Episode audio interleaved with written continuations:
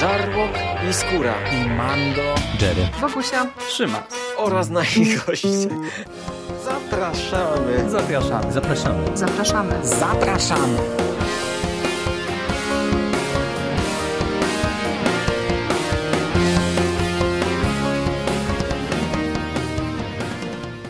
Cześć, witam Was wszystkich bardzo serdecznie w trzeciej odsłonie naszego rocznicowego QA. I dziś e, zapraszam na e, porcję pytań od Franciszka, którą otrzymaliśmy na Facebooku.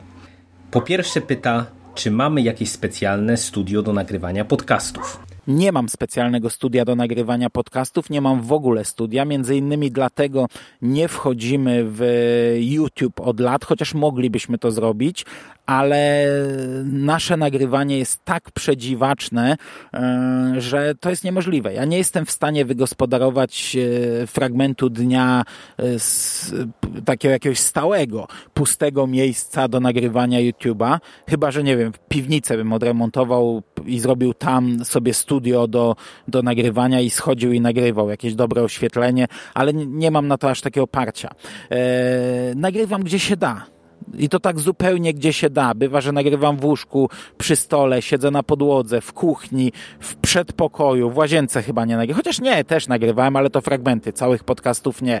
E, w różnych pokojach. Miałem okresy, że w pokoju dziecięcym, gdy młody e, spał z, z, z nami przez jakiś czas, albo gdy młoda spała z nami, to wtedy wieczorami jej pokój był wolny. Potem się to zmieniało, to nagrywałem w tym miejscu. Przez długie lata nagrywałem w piwnicy i, i to tak bardzo długo nagrywałem w piwnicy. Teraz tam od, od długiego czasu nie nagrywam i nie lubię tam nagrywać, bo to jest takie miejsce, gdzie mm, często sąsiedzi schodzili i przechodzili, a to wiecie, wszystko słychać, nie? I zawsze się głupio czułem, zawsze przerywałem nagrywanie. Jak dialog, no to jeszcze nie, bo to jest rozmowa. Ale jak solówka, to zawsze przerywałem nagrywanie i bywało, że przerywałem na 10-15 minut. Naprawdę, raz na tak długo przerwałem, chyba na pół godziny, bo obok e, sąsiedzi coś robili, że w trakcie nagrywania mi się do piwnicy włamali, bo myśleli, że tam nikogo nie ma. A patrzą, o kutki nie ma. No, taką miałem historię przy nagrywaniu chyba to była chyba szósta rocznica e, Radio SK przy rocznicowym podcaście. Tam było naprawdę z pół godziny przerwy, jeszcze włam do piwnicy zaliczyłem, e, siedząc w niej.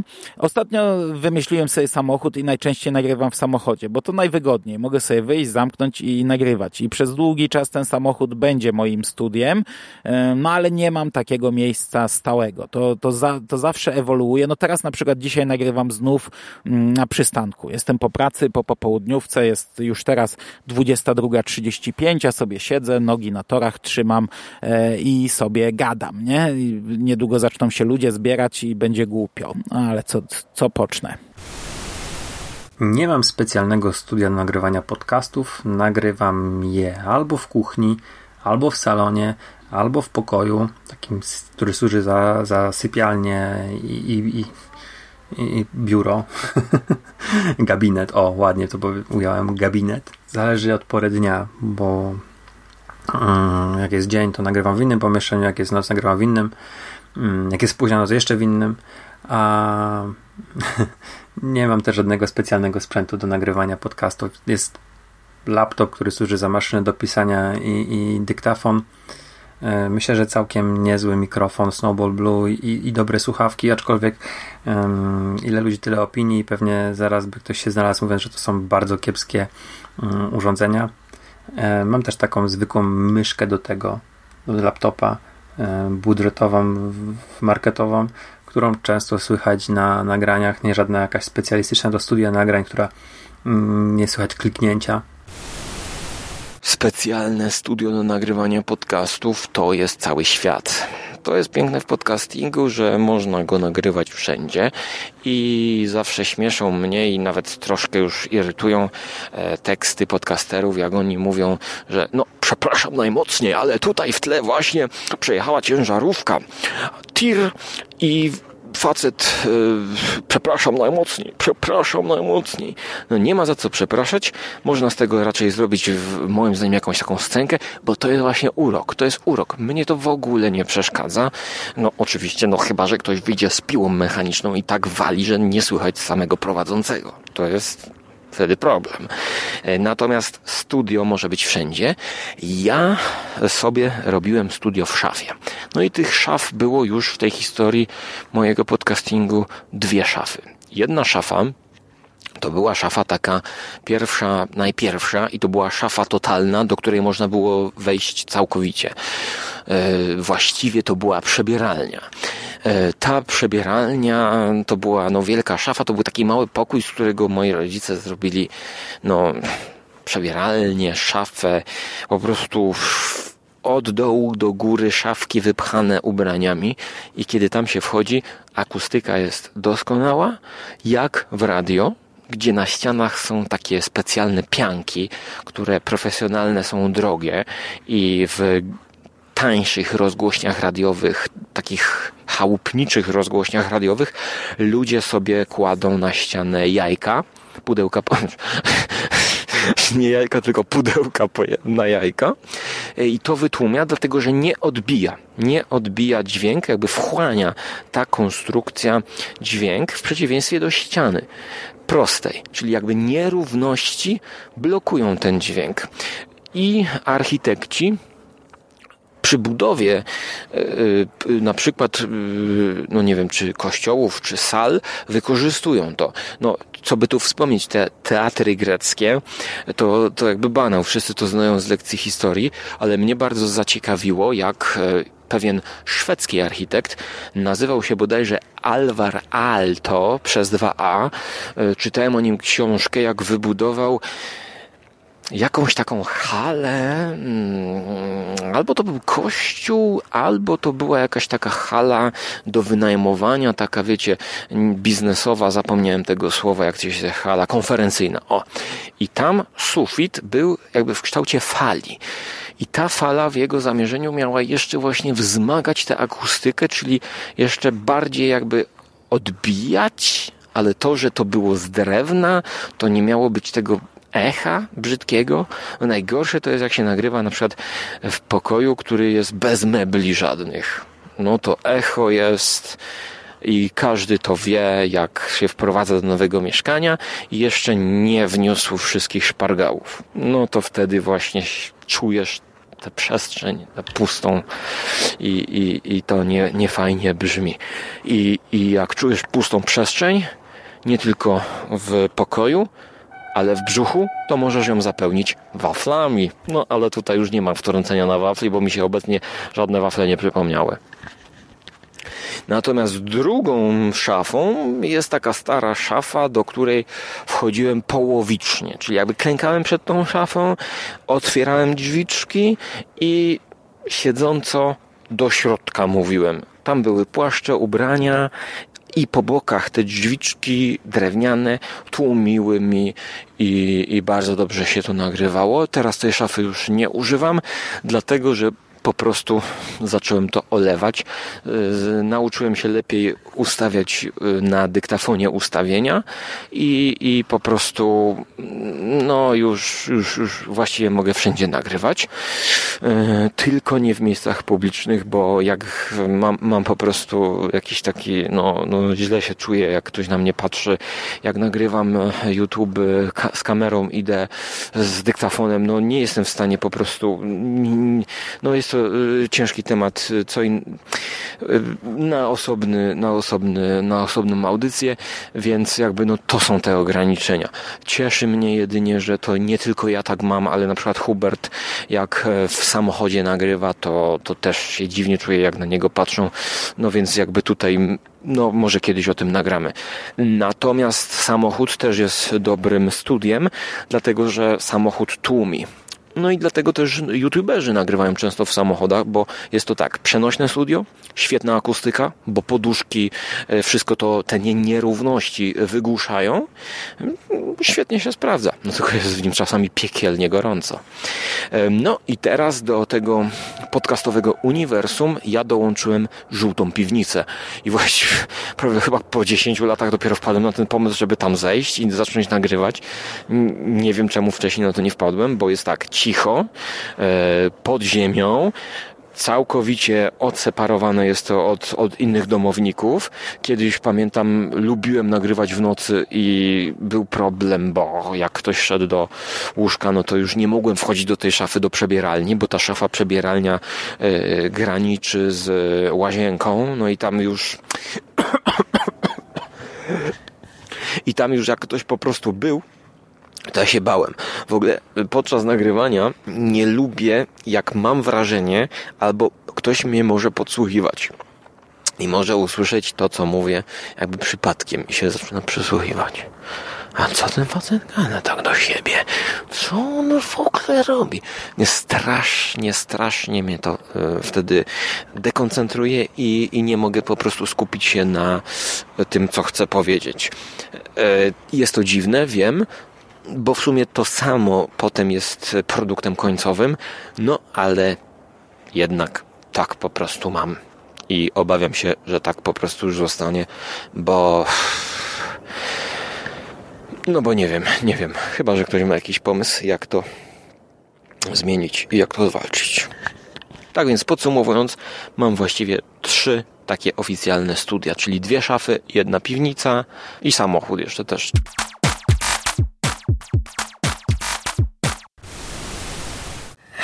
Stu, własne studio do nagrywania podcastów, specjalne jakieś studio. No kurczę, nie, ja, ja nie mam takiego studia, ale czasami wydaje mi się, że szkoda, e, bo ja pamiętam takie moje czasy licealne, kiedy przez jakiś, przez jakiś moment um, udzielałam się w szkolnym radiowęźle. To był naprawdę bardzo krótki moment, bo tam chyba chyba tylko przez jakiś tydzień czy dwa y, byłam w to zaangażowana, ale zawsze takie, mm, mam takie wspomnienie y, właśnie takiego wąskiego pokoju, który cały był, mm, ściany były wyłożone mm, opakowaniami po, po jajkach, takimi tekturowymi właśnie opakowaniami, które e, tłumiły, tłumiły dźwięki. To mi się wtedy wydawało właśnie takie bardzo, bardzo profesjonalne i do pewnego stopnia e, właśnie takie no, no takie już taki już konkret.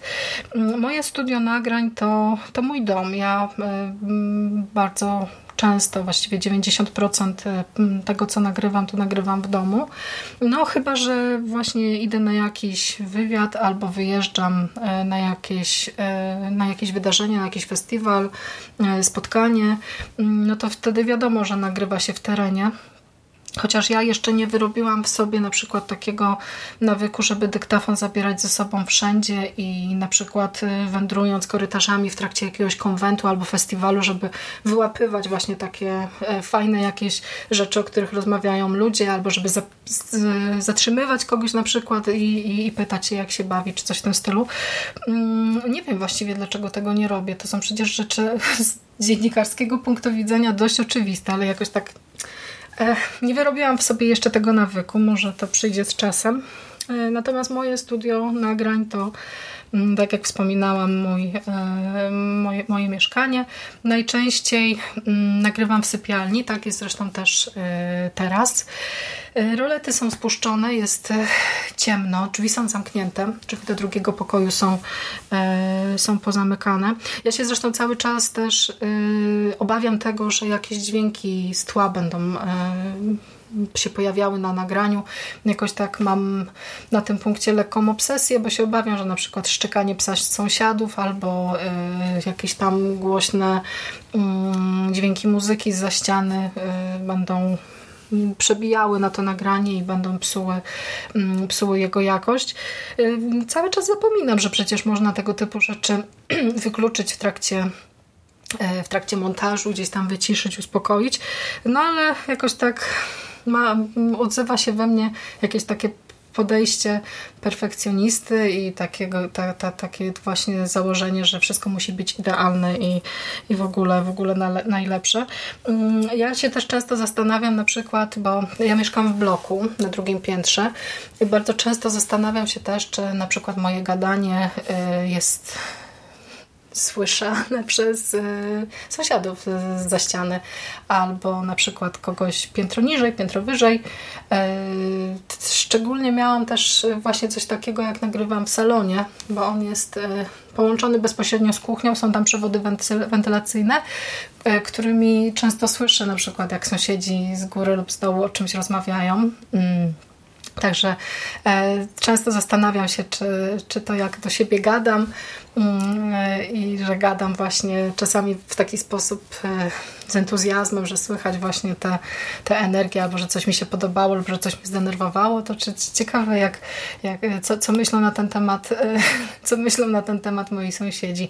Fajnie byłoby oczywiście mieć jakieś takie miejsce, miejsce swoje, miejsce takie zamknięte, w którym rzeczywiście w momencie, kiedy drzwi się zamykają, to świat zewnętrzny przestaje istnieć, bo tak właśnie mi się wydaje, że powinno być w kiedy się uprawia mm, coś e, zawodowo już tak na pełen etat, no to wtedy na przykład to studio nagrań jest niezbędne. Mm, e, próbowałam nagrywać w różnych miejscach. Mm, zdarzyło mi się nagrać e, jeden podcast w przyczepie na wakacjach, ale nie nadawał się on niestety do montażu.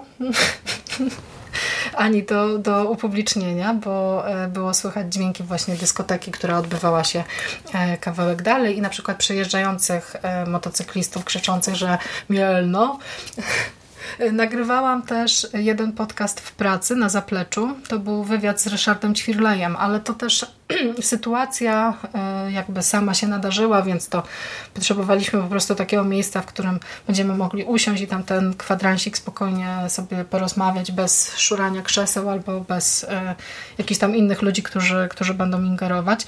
Fajnie byłoby mieć naprawdę e, swoje jakieś takie stu, stu, studio no, ja też nagrywam e, od niedawna e, przestałam nagrywać na telefonie komórkowym, bo większość tych podcastów, które słyszeliście wcześniej, to były nagrywane po prostu e, na komórce. Miałam program do, do rejestrowania głosu, taki komórkowy dyktafon.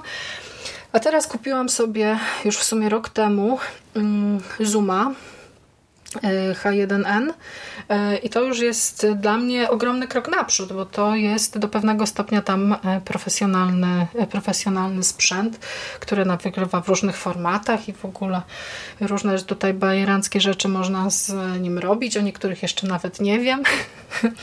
Więc z perspektywy takiego profesjonalnego podejścia do podcastingu, no to mm, ja już mały krok zrobiłam, zobaczymy co będzie dalej. Fajnie byłoby mieć na przykład większe mieszkanie i jeden taki pokój przeznaczyć na biblioteczkę i jednocześnie na studio, e, studio nagrań. Może kiedyś mi się to e, uda zrobić. Trzymajcie kciuki. Franku, co ja mam Ci powiedzieć? No, nie mamy studia. E, nie mamy go jako cały konglomerat, nie mamy go też jakoś tak każdy z osobna. E, chociaż przyznam szczerze, że ja regularnie myślę nad tym, czy dałbym radę gdzieś takowe zorganizować, przy czym póki co to jest niemożliwe, bo po prostu nawet nie mam takiej przestrzeni. Ja już się informowałem e, w sprawie, jak można takie pomieszczenie wygłuszyć, e, ile kosztują tam te różne pijanki na ściany, tego typu rzeczy i no jeszcze tak, to y, też by trochę kosztowało, ale to finansowo jeszcze jakoś może by się dało przeskoczyć, ale zwyczajnie nie mam takiego miejsca, które mógłbym tak przerobić. E, dlatego no, mm, nic z tego nie wyjdzie, a co do wynajęcia na przykład takiej przestrzeni, bo to też jest możliwe, nie?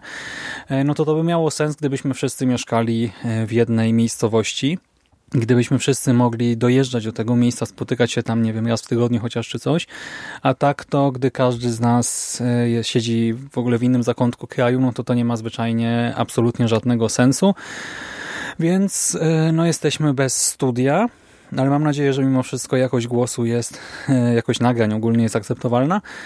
I ja mogę jeszcze zdradzić, że zaopatrzyłem się w trochę sprzętu, dzięki któremu o ile starczy sił i czasu, a z tym różnie bywa ostatnio, no, no ale być może będę mógł spróbować czegoś nowego w ramach Konglo, no ale więcej szczegółów e, pojawi się, gdy w końcu się za to wezmę, e, bo na razie tak planuję, planuję już na majówkę, myślałem, że może coś się uda zrobić potem na właśnie teraz na urodziny się nie udało, ale może w wakacje albo wczesną jesienią coś się ruszy, zobaczymy. Absolutnie nie posiadam e, żadnego specjalnego studia nagrań. E, ja ze względu na to, że e, nie mam dyktafonu, tylko mam mikrofon taki podłączany do laptopa, no to nagrywam tylko i wyłącznie w domu. Natomiast nawet w tym domu nie mam jakiegoś jednego miejsca do nagrywania. Najczęściej nagrywam w sypialni, co oczywiście jest lekko problematyczne, y, no bo sypialnie z oczywistych względów dzielę z żoną, a y, my nagrywamy bardzo często no, późnym wieczorem, żeby nie powiedzieć w nocy, więc czasem jest to upierdliwe. E, czasem jak mam taką możliwość, e, to nagrywam w ciągu dnia i wtedy na przykład możecie słyszeć e, dzieciaki w tle, jak to też dosyć regularnie w przypadku moich podcastów bywa. Czasem nagrywam w salonie, jak akurat mam chwilę e, wolną chatę, chociaż to rzadko, e, e, ale nie, no, nie mam, nie mam studia nagrań i na pewno nie będę miał. Myślę, że to jest maksimum możliwości, które jestem w stanie osiągnąć, jeżeli chodzi o miejsce do nagrywania, to jest to, to właśnie zamknięty pokój. Jaki to by nie był i tak się cieszę, że już nie nagrywam w kuchni, bo przez lata nagrywałem w kuchni i to było problematyczne, bo wiecie, jednak kuchnia no, ma płytki chociażby i tam ta akustyka była średnia. E, jak sobie przypomnę, słaby mikrofon i nagrywanie w kuchni, no, to był naprawdę duży problem. I pomimo tego, że nie wydawało mi się to wtedy jakimś takim fatalną jakością jakimś dużym problemem, to ja się aż boję sięgnąć po te starsze nagrania właśnie z okresów kuchennych, e, bo, bo myślę, że to naprawdę było e, fatalnie słychać. No ale cóż, e, teraz przynajmniej ten głos jest troszeczkę miękciejszy, e, ale w sumie pewnie jeszcze się kiedyś drobi albo dyktafonu, albo jak będzie jakaś okazja, to właśnie może coś nagram na telefon, bo e, w sumie czasem tak mi się wydaje, że fajnie by było nagrać coś w plenerze, ale to jakaś tam melodia przyszłości. Póki co laptop i domowe studio nagrań. Czy uprawiacie jakieś ćwiczenia głosu przed nagrywaniem? E, nie uprawiam żadnych ćwiczeń głosu przed nagraniem. E, czasami powiem tam te raz, raz, raz na początku i to zazwyczaj wycinam, e, ale to bardziej po to, żeby sprawdzić, czy dyktafon działa, czasami, gdy nagrywam zaraz po przebudzeniu, bo też mi się tak zdarza, że wiecie, obudzę się, yy, patrzę, nie ma rodziny, nie? Wyszli na przykład na plac zabaw czy coś. No to ja, le, wiecie, jeszcze le, oczu nie rozkleiłem, a, a łapię za dyktafon, bo mam coś do nagrania i to szybko nagrywam. To czasami mi się zdarza, że faktycznie kilka rzeczy powiem.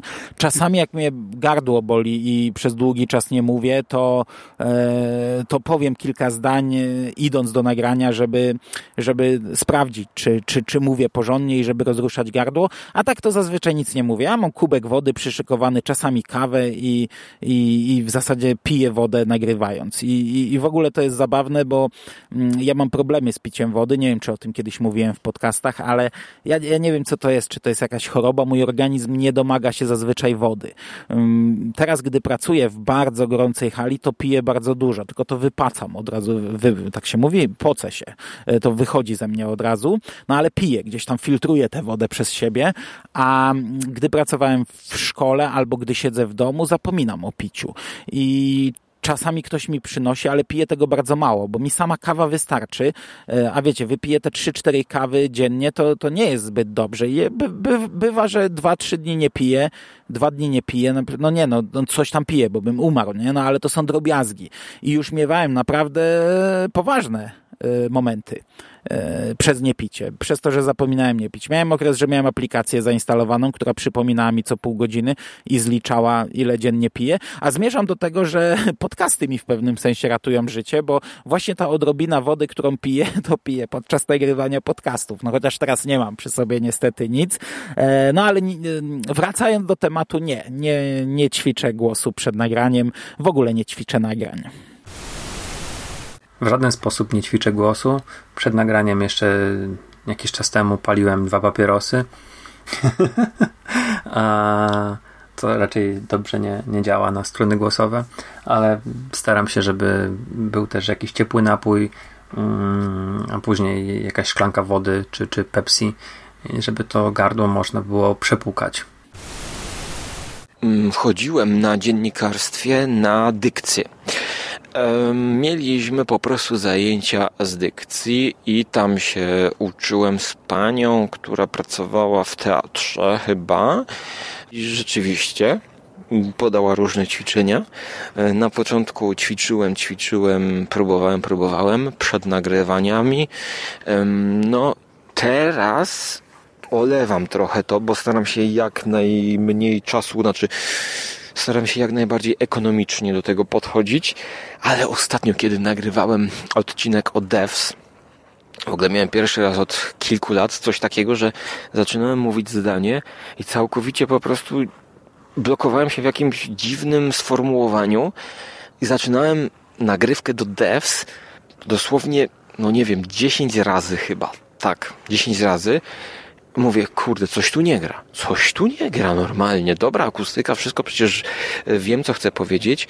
I dopiero kiedy wziąłem do ręki dyktafon, zacząłem chodzić, no to jakby wszedłem w e, flow i, i popłynęło. Dlatego to też jest e, taka kwestia. Ćwiczenia to jedno, a drugie to jest pozycja do nagrywania. Powinno się być wyprostowanym, zgodnie z zasadami dykcji, więc rzadko nagrywam na siedząco, ale kiedy chodzę, to bardzo się męczę, yy, bo po prostu używam więcej siły niż jest potrzebne. A dodatkowo, jak nagrywam, to jest 90% bez odsłuchu i przez to zwykle ludzie mówią yy, głośniej. I też to bardzo męczy, bo nie słyszysz siebie. Teraz pokażę Wam.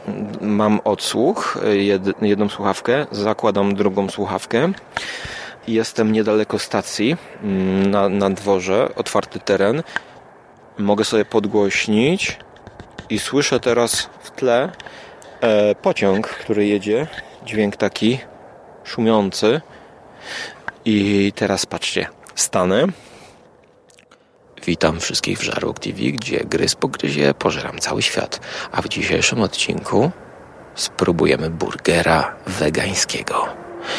Całkowicie wyluzowany, odpoczywam. Ludzie, którzy pracują w radio, właśnie tak mówią. Po prostu zero wysiłku, praca bodajże chyba brzuchem, albo przeponą. I to jest naprawdę bardziej, e, e, mniej męczące. I tak się powinno to robić. Witam pana w naszym studio. Panie polityku, a co pan powie na temat pana polityka drugiego? Czujecie to? Teraz stoję, jest zupełnie inny odbiór, jest tak bardziej radiowo. Nie męczę się. Mógłbym tak gadać dwie godziny, ale no właśnie, podcasting. Podcasting wyjmuję teraz jedno ucho, już się gorzej słyszę, więc zaczynam mówić bardziej naturalnie. Teraz wyjmę drugie ucho. No i teraz już słyszę, że jestem gdzieś na dworze, nie? Teraz już słyszę swoje buty, zupełnie inne dźwięki do mnie dochodzą i już jest inny sposób nagrywania już zaczynam mówić tak, jakbyście stali obok. Tak, tak bardziej do siebie mówię, więc wyobrażam sobie was. No i teraz tak bardziej mówię po ludzku, tak jak mówię na co dzień. Mniej radiowo, a bardziej tak po swojemu. I to jest też cecha podcastingu, którą ja lubię. I ostatnio właśnie prowadziłem Matiza i sobie pomyślałem, że, że podcasting to jest właściwie coś chyba na co ja, jako zawsze marzyłem o radiu, to właśnie chyba czekałem na podcasting, bo to jest takie przenośne radio w dyktafonie każdy może mieć, każdy może nagrywać, każdy może emitować. To jest takie spełnienie marzeń młodego skóry. No i rzeczywiście. Tylko jest to spełnienie marzeń takie, no, połowiczne. Ale o tym, dlaczego połowiczne, wrócimy jeszcze przy okazji następnych pytań. Ćwiczenia głosu przed nagrywaniem. O rany Julek. nie. Nie, nie robię czegoś takiego. Chociaż mm, może pytasz o y, takie ćwiczenia, którymi jest y, krzyczenie za drzwi, żeby ściszyć telewizor, albo na przykład, żeby y, kot przestał drapać, y, albo Mm, żeby nie stukać tak głośno jakimiś y, przyrządami, albo żeby nie bawić się z, z Renem rzucanie mm, jakichś ciężkich przedmiotów, bo to wszystko słychać jednak. Nie, ale tak na serio to e, na studiach e, dziennikarskich, po których jestem, mm, mieliśmy właśnie taki, e, mm, takie zajęcia związane z dziennikarstwem radiowym, gdzie mm, nasz wykładowca proponował właśnie sporo takich różnych ćwiczeń rozluźniających struny głosowe i właśnie pomagających brzmieć jak najbardziej wyraźniej, żeby ten głos był taki właśnie, można go było zrozumieć i żeby ta barwa też była taka przyjemna dla ucha. E, pamiętam, że moim ulubionym ćwiczeniem było takie e, wygłaszanie samogłosek po kolei. E, a, on, e i o, u, właśnie tak, żeby one wybrzmiewały w taki sposób wyraźny i to trzeba było przyspieszać, nie trzeba było to mówić po prostu jakoś coraz szybciej, coraz szybciej, coraz szybciej. E, niektóre ćwiczenia były absurdalne, bo pamiętam, że też e, przed e, jednym takim mm, ćwiczeniem praktycznym, kiedy mieliśmy wygłosić czy tam odczytać jakiś materiał z kartki, to, to było takie ćwiczenie, że stawało się przy biurku, opierało się na nim ręce i wykrzykiwało w blat różne rzeczy, nie? Tak się człowiek opierał i krzyczał na przykład tam lubię komiksy. Tak, w ten sposób, żeby to brzmiało właśnie tak e, jak najbardziej głośno i żeby po prostu każda litera w danym wyrazie wybrzmiała. E, oczywiście jest sporo też materiałów pomocniczych. E, mam u siebie chyba trzy książki które dotyczą tego, jak e, modulować głosem. E, Mówca doskonały chyba, nie pamiętam wszystkich tytułów. Mówca doskonały i trening głosu. To są właśnie takie też y, materiały, w których y, jest sporo y, sporo takich ćwiczeń praktycznych, które ułatwią Ci mówienie i sprawią, że będziesz naprawdę brzmiał bardzo profesjonalnie. Cały czas rozmawiamy o podcastingu amatorskim. Ja nie robię tego zawodowo.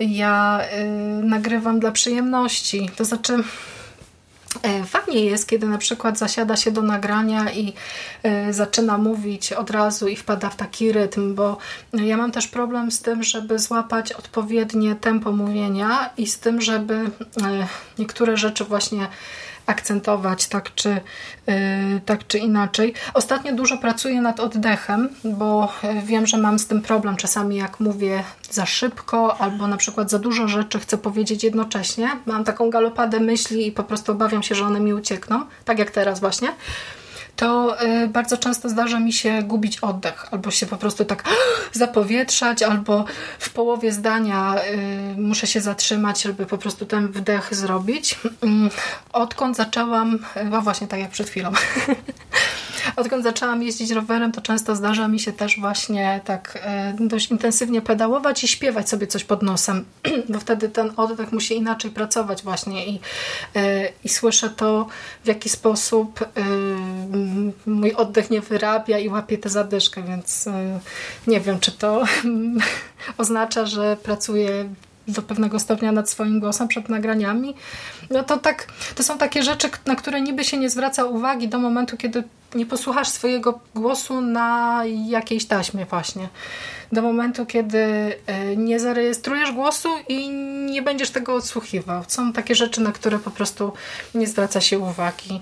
E, a może warto, bo czasami też w takich sytuacjach właśnie mm, codziennych, kiedy o czymś rozmawiam z klientem, albo kiedy na jakimś spotkaniu autorskim podnoszę rękę i chcę zadać pytanie, e, to mam już na przykład, załącza mi się coś takiego, że muszę mówić głośno i wyraźnie, nie? To w życiu takim codziennym mm, Warto też zwracać na y, coś takiego uwagę, y, ale też bez przesady. Nie? To nie jest tak, że ja po prostu wracam do domu i wiecie, kartkuję te wszystkie książki tutaj, rany, jakie by tutaj dzisiaj po prostu ćwiczenie, żeby... Nie, to nie jest tak, bez takiego napięcia. Nie? Po prostu niektóre rzeczy wychodzą intuicyjnie, mm, tak jak na przykład z tym moim śpiewaniem podczas jazdy rowerem. E, no to jeśli można to zrobić na przykład i e, do pewnego stopnia widzi się, że są tego efekty, no to w sumie Czemu nie? Może za jakiś czas, kiedy będę nagrywała nadal podcasty, to może jakość mojego głosu jeszcze, jeszcze się zmieni i jeszcze będzie przyjemniejsza dla ucha. Fajnie by było. ale nie mam jakiegoś tutaj specjalnego parcia, mm, ani nie, nie będę cisnęła na siłę, po prostu będę dalej starała się no, mówić tak, żebyście rozumieli to, to, co chcę Wam powiedzieć i tyle. Franku, Mogę Ci tylko powiedzieć tyle, że Twe ekstremalne imponderabilia egzemplifikują w mym ego dyrambiczną akronimiczność w aspekcie gnostycznym, wobec czego suponuję, iż konglomerat Twojej wiedzy jest cokolwiek wyalienowany. Aczkolwiek truizmem byłoby twierdzić, że animozja, jaką czuję do Twojej aparycji, implikuje przypadek oraz, że wyindywidualizowaliśmy się z rozentuzjazmowanego tłumu prestidigitatorów, który czytał przekarykaturalizowaną i przeliteraturalizowaną literaturę. Ponadto, biorąc pod uwagę wizualny aspekt tego zagadnienia jest ono zbyt specyficzne w swojej strukturze obiektywnej i wobec tego w ramach szowinizmu i abstrakcjonizmu absolutnie nie wchodzi w rachubę. No bo jeżeli ktoś komuś coś, a nikt nikomu nic, to po cóż i na cóż? A co się tyczy względem tego, to i owszem, gdyż z punktu patrzenia na punkt widzenia, kwintesencja omawianego zagadnienia jest nam bardzo dobrze znana, lecz jeśli o mnie chodzi, to nie wiem o co chodzi. Ponadto słyszałem, że chrząż brzmi w trzcinie, w Strzebrzeszynie, strząsa skrzydła z dżdżu i czmiel w puszczy tuż przy pszczynie straszny wszczyna szum. Mąż grzeżółki w chaszczach trzeszczy, w krzakach drzemie krzyk, a w trzemesznie straszy jeszcze wytrzeszcz oczu strzyk.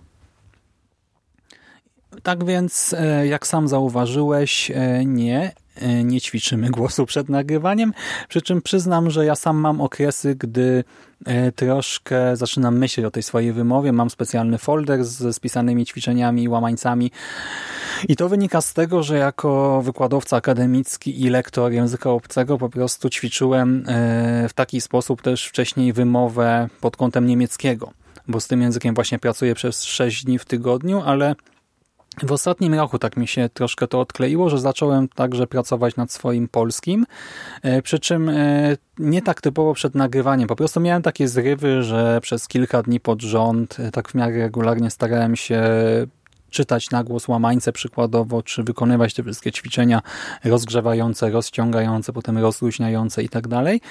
E, teraz e, znowu tego nie robię, zwyczajnie z braku czasu i w związku z faktem, że e, no też nie nagrywam i jakoś tak nie myślę o tym nawet.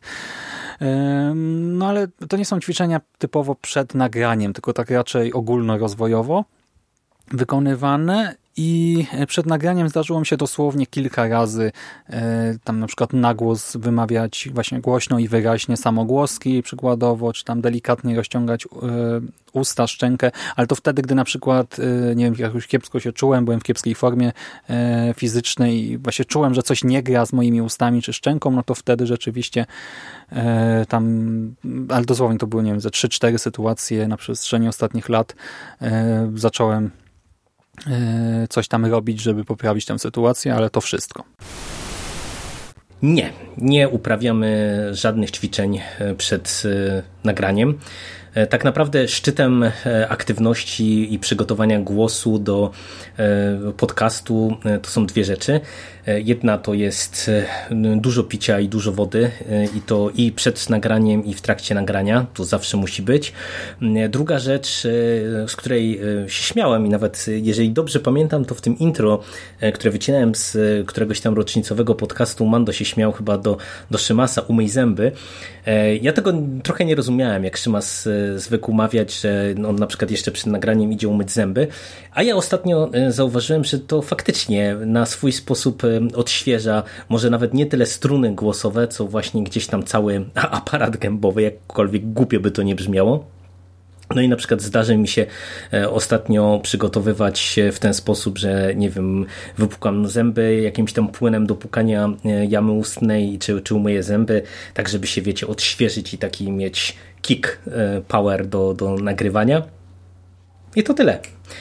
Czy utrzymujecie się głównie z nagrywania podcastów? Kto robi wam grafiki na dany odcinek? No ale to tak na poważnie ty pytasz? no, no, nie, nie utrzymujemy. Znaczy ja wiem, że to jest może poważne pytanie, bo wiem, że ludzie zarabiają na tym. E, I, i nawet wiem, jaką można czasami kasę za to ściągnąć. Nie, nie dostaję ani grosza za nagrywanie podcastów. E, czasami dostaję książki do recenzji, a to też nie zawsze i to też od niedawna. Bardzo duże rzeczy kupuję sobie sam do zrecenzowania, także w zasadzie płacę za podcasting. E, nie, nie zarabiam na tym. Natomiast grafiki na dany odcinek e, robię ja. Czasami, gdy nie mam takiej możliwości, to, to zrobisz szybko Jerry, ale to na zasadzie tylko znalezienia plakatu, który się z, w zasadzie prawie z automatu wykadruje, albo tam sam jakoś wykadruje, jakąś taką prostą rzecz. A jak y, jakieś tam graficzki, coś trzeba pobawić się, podłubać, to robię ja. Nie jestem żadnym specem od grafiki, używam programu y, spiraconego, więc nieważne jakiego, ale używam go już od kilkunastu lat, więc to jest bardzo, bardzo stara wersja tego programu. E, po prostu nauczyłem się używać go na studiach, gdzieś tam chałupniczo, sam w domu się nauczyłem kilku prostych trików i do dzisiaj go używam. I cały czas go używam, e, ale mm, ja wiem, że może tam ktoś powie, że robię rzeczy brzydkie, złe, ale gdzieś tam ta moja estetyka e, jest istotna i ja od początku powiedziałem, że ja będę się tym zajmował i że nie pozwalam robić innym grafik, a jeśli będą robić, to ja je zatwierdzam, żeby mi żadnych głupot nie porobili i najczęściej chyba ze skórą się walczy o to, chociaż to nie ja, bo skóra ma czasami wizję swojej grafiki, i, która się bardzo kłóci z moją jakąś tam wizją estetyczną, artystyczną, a on yy, to chce mieć. Znaczy pamiętam jedną taką sytuację, nie pamiętam jaki ten ty, ten film miał tytuł. Oni go przeanalizowali zaraz po Mandy e, i bardzo długo się ze skórą sprzeczaliśmy, że tak, ta, ten kadr, który on wybrał jest brzydki. No ale uległem wtedy. E, ze skórą mam inny problem, bo on omawia takie rzeczy, do których nie ma okładek. Znaczy są, ale jakieś miniaturki w necie i to takie naprawdę bardzo, bardzo miniaturki. To są najtrudniejsze grafiki, jakie muszę robić, bo muszę kombinować i jakoś je sklejać. E, nawet e, Biblioteka Grozy, która ma, która ma w sumie całkiem spore te, graf, te okładki w necie, ale i tak za małe. No to dlatego się pobawiłem w te paski, sobie wymyśliłem taki, te, taki rodzaj grafik, bo, bo są za małe po prostu, a na YouTube to już w ogóle nie wiem, co, co dać, gdzie tam sobie wy, zrobiłem szablon kiedyś trochę większy grafik, no ale ja się w to bawię, nie? Także jak się nie podoba, to do mnie, jak się podoba, to też do mnie. Ja w ogóle żadnych pieniędzy, żadnych książek, żadnych patronatów, e, żadnych promek mm, za swoje działania hobbystyczne w ramach nagrywania podcastów nie dostałem. Nie, mm, nie otrzymuję żadnego wynagrodzenia od Jerego, Shimasa i Mando. Mm, ale też nie, nie muszę się dokładać im do, do serwera czy do domeny. Także ja to robię wszystko czysto hobbystycznie, dostarczam treści, mm, które nagrywam w swoim prywatnym, wolnym czasie, za które, które kupuję za, za własne pieniądze. I chyba tyle, tyle kwestii wyjaśnienia.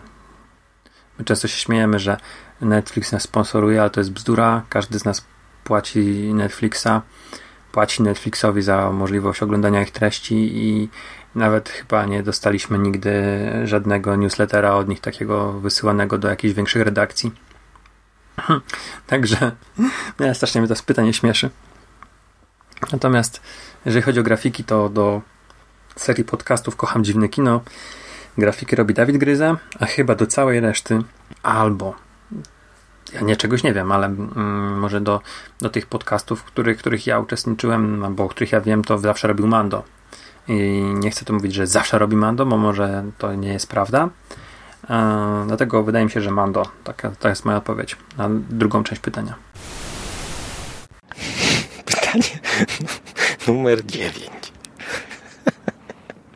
Właśnie. I tutaj, tutaj Jerry dał cudowny inside joke. Zacząłem czytać to pytanie, nie? I mówię, o kuźwa, nie? A potem, a to ja Jerry, bawi, bawi to, prawda, nie? No to, to ja, to ja Jerry. No, pozdrowienia, pozdrowienia Jerry. Bardzo, bardzo jesteś, za, zaostrzył ci się dowcip jak ramen w Ramen People w krakowskim e, Spicy Ramenie. E, czy utrzymujemy się z nagrywania podcastów? E, słuchaj, utrzymujemy się jak goryl na gałęzi, który zamiast drzewa trzyma właśnie o, nagrywajkę, dyktafon, za który dałem 700 złotych który mi się nie zwrócił do tej pory, ten dyktafon z podcastingu. E, a wydałem na niego dużo, dlatego że po prostu byłem w pełni przekonany, że chcę to robić i będę to robił długo. Chciałem, żeby to był dobry sprzęt i dodatkowo poszedłem w półkę wyżej. E, kupiłem rejestrator. Czyli jeżeli chcę coś nagrać na gitarze, to ja to przerzucam na Wave'a. E, to nagrywa w większej rozpiętości dźwiękowej, tam te, te herców, megaherców czy herców, już nie pamiętam. Po prostu więcej dyktafon słyszy niż ludzkie ucho. Yy, przepraszam, więcej słyszy niż, znaczy, przepraszam, dyktafon jest nastawiony na e, nagrywanie ludzkiego głosu a zasięg ludzkiego głosu, jeśli chodzi o mowę, zamyka się w 128 KB na sekundę, czyli jak masz MP3 128 KB i nagrywasz gadkę, to już nie ma sensu wypuszczać większego e, e, e, bitrate'u, bo po prostu no, w takiej gadce to również może być 96 i to będzie też to samo z teorią. Ale jednak jak słucham na przykład podcastów 96 albo na przykład 60 kB kB na sekundę, to jednak w tle słychać jakieś takie syczenie i dlatego no, e, podcast 128 kB na sekundę dla mnie to jest minimum. E, a jakie było pytanie? Mm, zapomniałem. Aha, ten e, grafiki, no to robi Mando. E, na konglomeracie, e, na, pod, na kombinacie robiliśmy każdy sobie. E, tutaj Mando jest mistrzem Painta, choć ja nie wierzę, że on to robi w Paincie po prostu, e, bo to po prostu e, powinni się twórcy Painta do niego chyba zgłosić, że po prostu zrewolucjonizował facet Painta. A nie wiem, jak on to robi. Więc po prostu mistrz Painta kuźwa w konglomeracie się marnuje.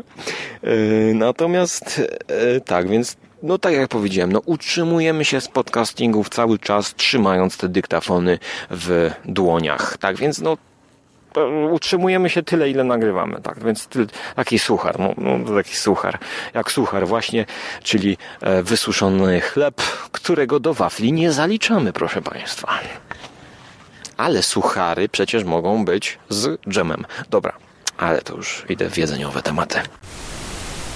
Jasne.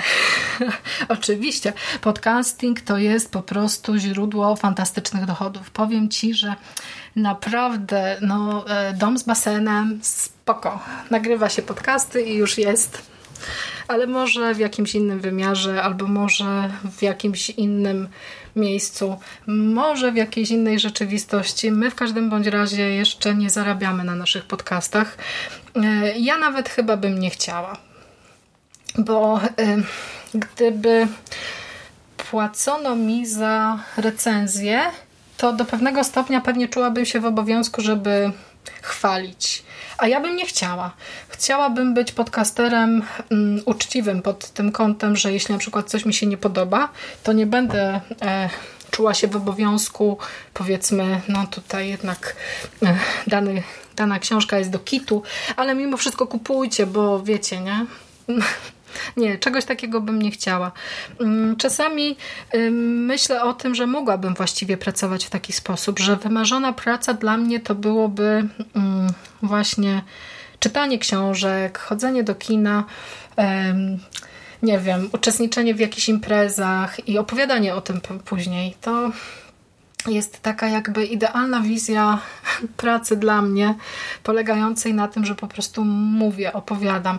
Ja już Wam kiedyś wspominałam o tym, że mm, chciałam, chciałam być dziennikarką radiową kiedyś, więc do pewnego stopnia ten podcasting y, podkrywa się z jednej strony z moimi marzeniami zawodowymi, które nie doczekały się realizacji niestety, mm, i jednocześnie zaspokaja pewną potrzebę rozmawiania o rzeczach, które mnie kręcą. To też już o tym opowiadałam, że w, w moim otoczeniu raczej mm, próżno szukać mm, takich osób, z którymi mogłabym porozmawiać na wszystkie tematy, nie? A podcasting jednak do pewnego stopnia y, zapewnia mi, to jest taki wentyl popkulturowego bezpieczeństwa, który pozwala mi e, popkulturalnego, popkulturalnego bezpieczeństwa, który pozwala mi poopowiadać o różnych właśnie e, różnych właśnie rzeczach, które mnie w danym, w danym czasie fascynują i, i które mi się podobają.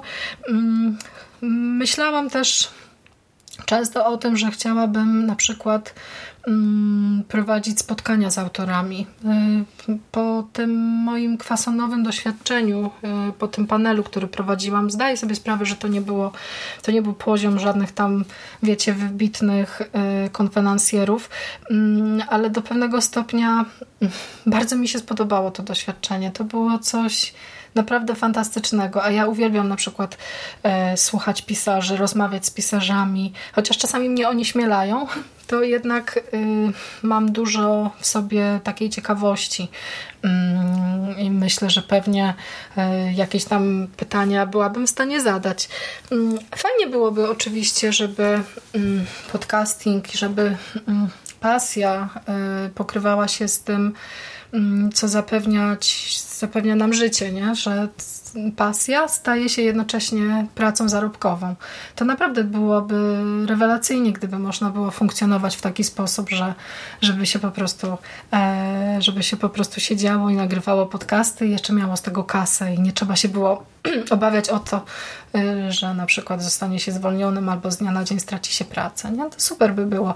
A jeśli jednocześnie pokrywałoby się to z posiadaniem powiedzmy premierowo różnych rzeczy e, z różnych takich wyczekiwanych premier, e, które można by zrecenzować przed premierą, no to w ogóle super, nie? Przed tą datą ostateczną datą publikacji, no to byłoby ekstra. Czasami patrzę z ogromną zazdrością na e, youtuberów, na e, ludzi działających e, na Instagramie, którzy otrzymują właśnie z wydawnictw mm, książki przed premierą i tam mm, ostro na przykład promują, że tutaj paczka z wydawnictwa takiego na dwa tygodnie, za dwa tygodnie premiera, ja już czytam teraz, też bym tak chciała moi koledzy z redakcji od czasu do czasu coś tam, mm, coś tam dostają, e, jeśli chodzi o egzemplarze recenzenckie. Ja nie nagrywam z taką częstotliwością jak oni, więc jeszcze, e, jeszcze mnie to gdzieś tam omija. Mm, większość rzeczy, które recenzuję albo e, o których chciałabym poopowiadać, to są takie rzeczy, które kupiłam za swoje pieniądze, które y, zdobyłam sama w pewnym stopniu i nie, nie otrzymałam ich od żadnego wydawnictwa, nie? Także to, to, to też y, ja działam na troszeczkę innej zasadzie. Zresztą też y, to mm, zapewnia mi to, od czego zaczęłam tę mm, odpowiedź na to pytanie, czyli pewnego rodzaju uczciwość. Nie, nie, nie, nie czuję się w obowiązku, żeby tutaj komuś na siłę słodzić w momencie, kiedy coś tam, e, coś tam jest nie tak. Nie? W momencie, kiedy zapłaciłam za ten produkt, no to jestem takim odbiorcą, który ma prawo skrytykować, jeśli, jeśli coś jest coś jest niefajne. No, tak mi się wydaje. Chociaż mm, super byłoby rzeczywiście, gdyby gdyby pasja przekładała się na, e, na źródło dochodów. Nie? No to w moim stopniu, e, w, w, jeśli o mnie chodzi, to do pewnego stopnia tak jest, bo mm, ja od zawsze kochałam książki, uwielbiałam literaturę, e, a teraz pracuję w księgarni, więc ten mm, źródło moich dochodów pokrywa się jak, jakby z moją, z moją pasją. Nie? Więc Chyba jednak nie jest tak, tak źle, ale mogłabym naprawdę, mm, nie pogniewałabym się, gdyby moje życie wyglądało właśnie tak, żebym siedziała w domu e, albo wyjeżdżała na jakieś imprezy i potem robiła e, audiorelacje z, z, z danych eventów albo tam obejrzanego filmu, przeczytanej książki. Tak sobie chwileczkę pomarzyłam, a teraz wracamy do rzeczywistości. Ach.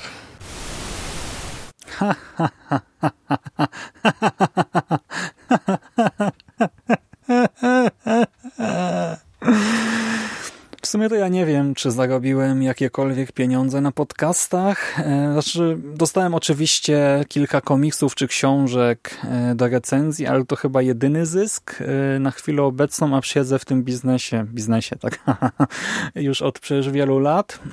A co do grafik, no to w 99 przypadkach robi je Mando. Kiedyś każdy robił je sam, tak? No, na Necro też pierwotnie sam tam robiłem sobie te różne no, może nie najlepszej jakości e, graficzki, ale na Kongo już Mando wszystko unifikuje pod serię i e, no, w ogromnej większości przypadków to on tutaj ustala wszystko, co najwyżej tam nas pyta, który wariant e, okładki, e, prawki graficznej tak nam bardziej odpowiada. E, no i tyle. Czy utrzymujecie się z nagrywania podcastów? Mm, I czy kto nam robi grafiki? No, jeżeli chodzi o grafiki, to już Mando wszystko powiedział, tak, on się tym zajmuje. My się tylko śmiejemy czasem, że ja mam e, potężne zdolności e, graficzne e, i to, co Skóra z kolei się śmiał, że Mando robi grafiki w Paintie, nie, to, to ja jestem specjalistą od Painta. Jeżeli widzicie jakieś wybitne grafiki, na przykład na Facebooku, jak słynna grafika cenzurująca nasze horrory wielkanocne z panią i króliczkami na piersiach, tak, to to, ja. jeżeli widzicie tego rodzaju właśnie e, epokowe dokonania grafiki komputerowej, to, to wiecie, że to ja robiłem.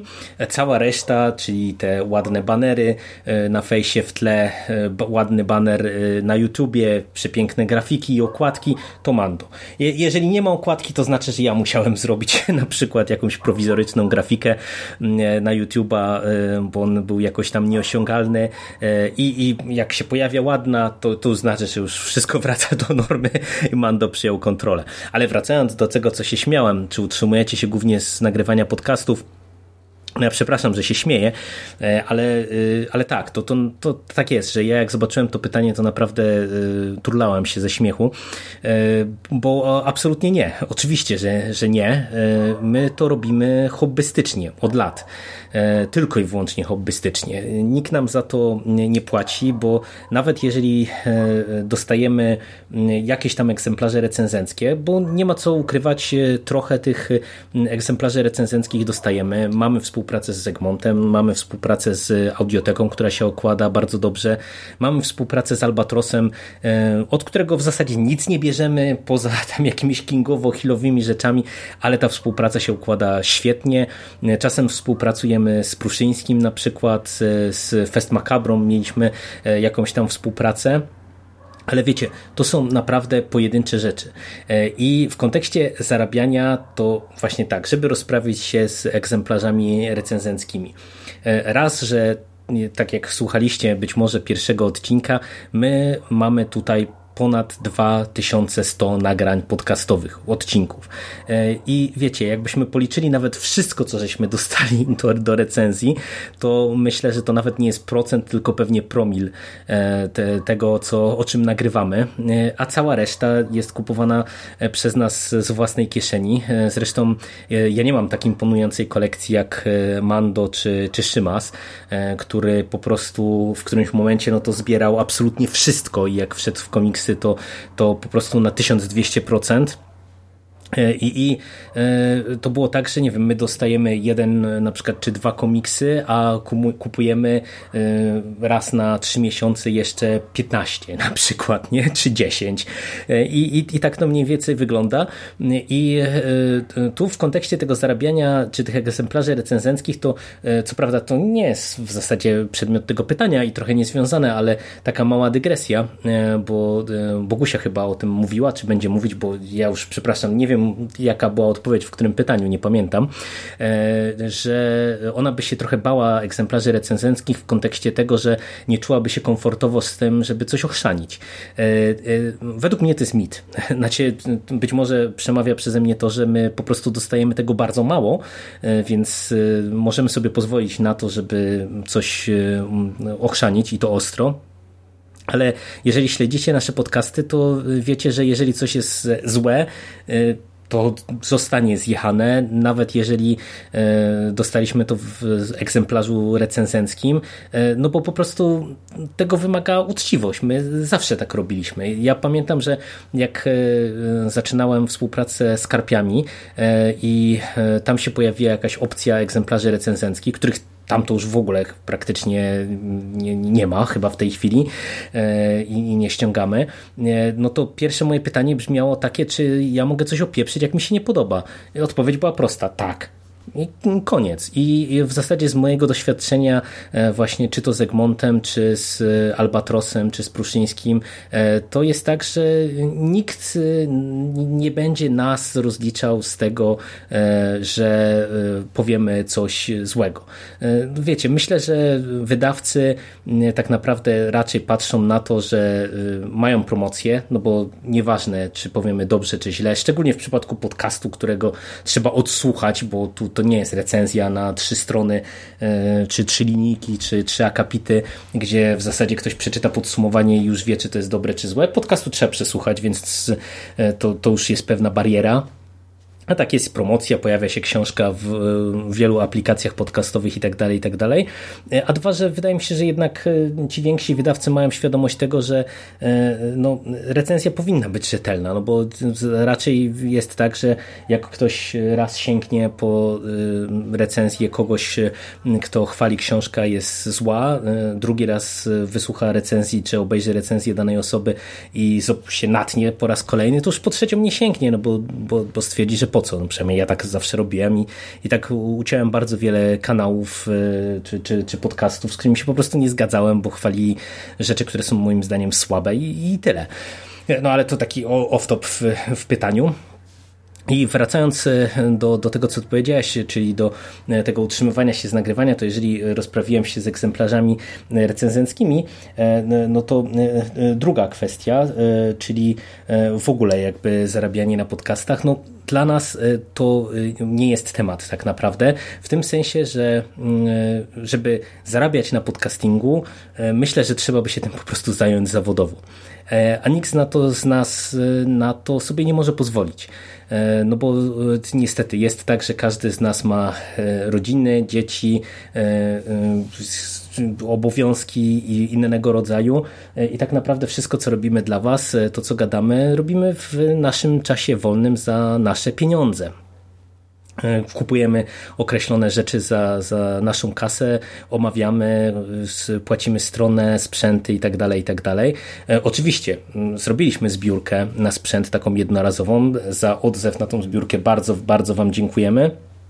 Ale to, to jest szczyt e, naszego zarabiania na podcastingu. E, od lat e, nawet rozmawiamy czy w zasadzie już teraz to już od lat to prawie nie rozmawiamy.